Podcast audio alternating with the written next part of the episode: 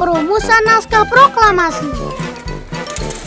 Uh, um, kita akan menyaksikan cerita perjuangan pahlawan-pahlawan kita dalam merumuskan naskah proklamasi kemerdekaan.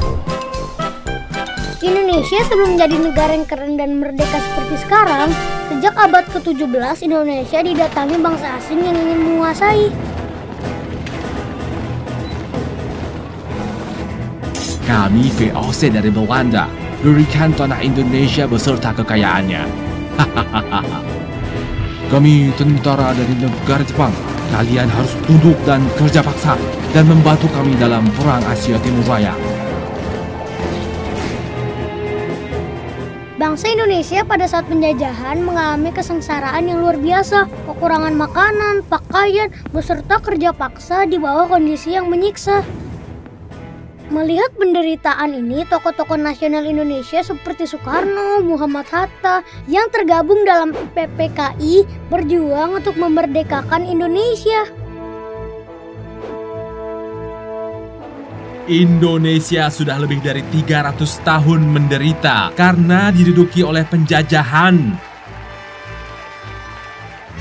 Kemerdekaan bagaikan jembatan emas di seberang jembatan Jembatan emas inilah baru kita leluasa menyusun masyarakat Indonesia merdeka yang gagah. Marilah saudara-saudara bersiap, bersiap, bersedia melawan mati-matian kepada musuh sampai titik darah penghabisan.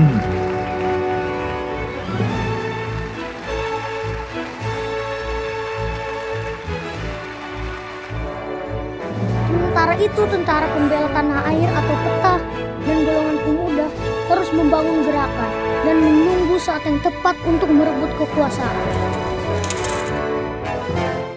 Gawat jenderal, Hiroshima dan Nagasaki sudah hancur karena bom atom dari Amerika.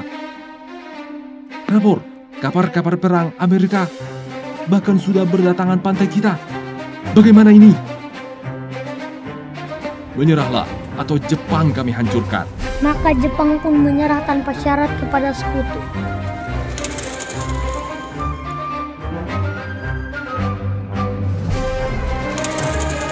Pada saat inilah, Laksamana Tadashi Maeda, seorang perwira Angkatan Laut Jepang, merasa Indonesia berhak untuk mendapatkan cita-cita kemerdekaannya dan mendukungnya.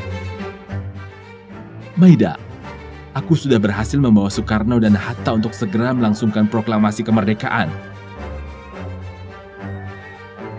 Baguslah, secepatnya kita pastikan sikap Gun Saikan kepada Jenderal Nishimura.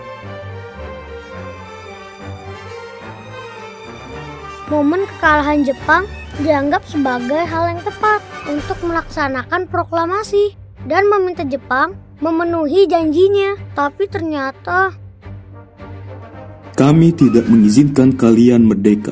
Apa? Kalian sudah ingkar janji, Jenderal Nishimura. Ini perintah. Kalau begitu jangan menghalangi kerja PPKI, Jenderal Nishimura.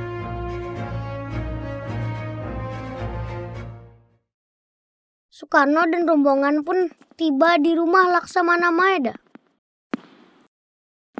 Tidak ada gunanya lagi untuk membicarakan kemerdekaan Indonesia dengan pihak Jepang. Baiklah, jika memang kita tidak bisa bergantung pada Jepang, maka kita akan menentukan nasib kita sendiri. Laksamana Tadashi Maeda, kami ingin meminta izin Anda untuk meminjam rumah ini untuk merumuskan naskah proklamasi Tentu saja. Semoga berhasil Soekarno.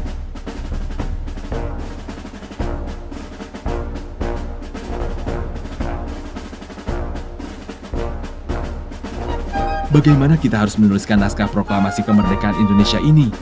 Para anggota peta menuntut kata-kata seperti penyerahan, dikasihkan, atau merebut. Kita pilih pemindahan kekuasaan saja. Hmm, baiklah kita buat seperti ini.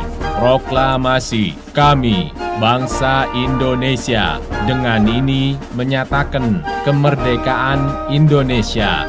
Hal-hal yang mengenai pemindahan kekuasaan dan lain-lain diselenggarakan dengan cara seksama dan dalam tempo yang sesingkat-singkatnya.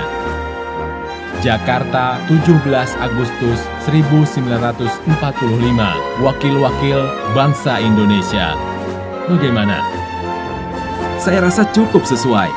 Iya, setuju-setuju. Kita minta bantuan Muhammad Ibnu Sayuti Melik untuk mengetiknya. Hmm, saya cuma merubahnya sedikit menjadi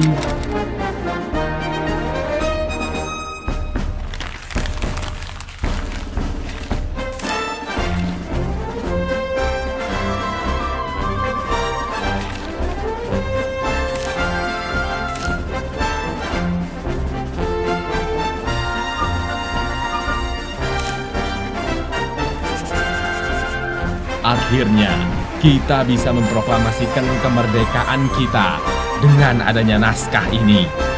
Keesokan harinya, pada hari Jumat 17 Agustus 1945, dilaksanakanlah proklamasi kemerdekaan Indonesia.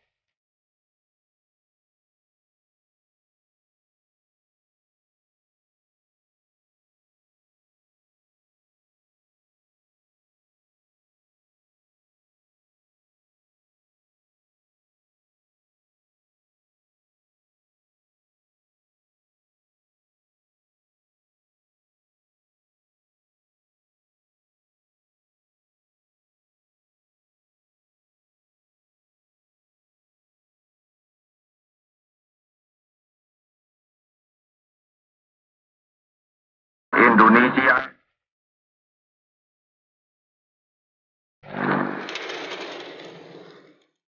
Demikianlah perjuangan pahlawan-pahlawan kita yang patut diteladani dalam merumuskan naskah proklamasi. Merdeka! Mencapai kemerdekaan itu susah, penuh perjuangan dan pengorbanan. Di seberang jembatan, jembatan emas inilah baru kita leluasa menyusun masyarakat Indonesia merdeka yang gagah, kuat, sehat, kekal, dan abadi.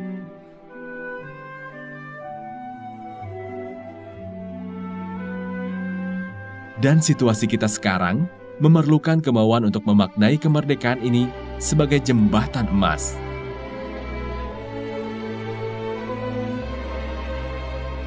Tugas kita selalu generasi muda sebagai pelajar adalah belajar dengan rajin dan gemar membaca, supaya bisa mengisi waktu demi menyiapkan diri sebagai generasi yang hebat dan membanggakan orang tua dan bangsa.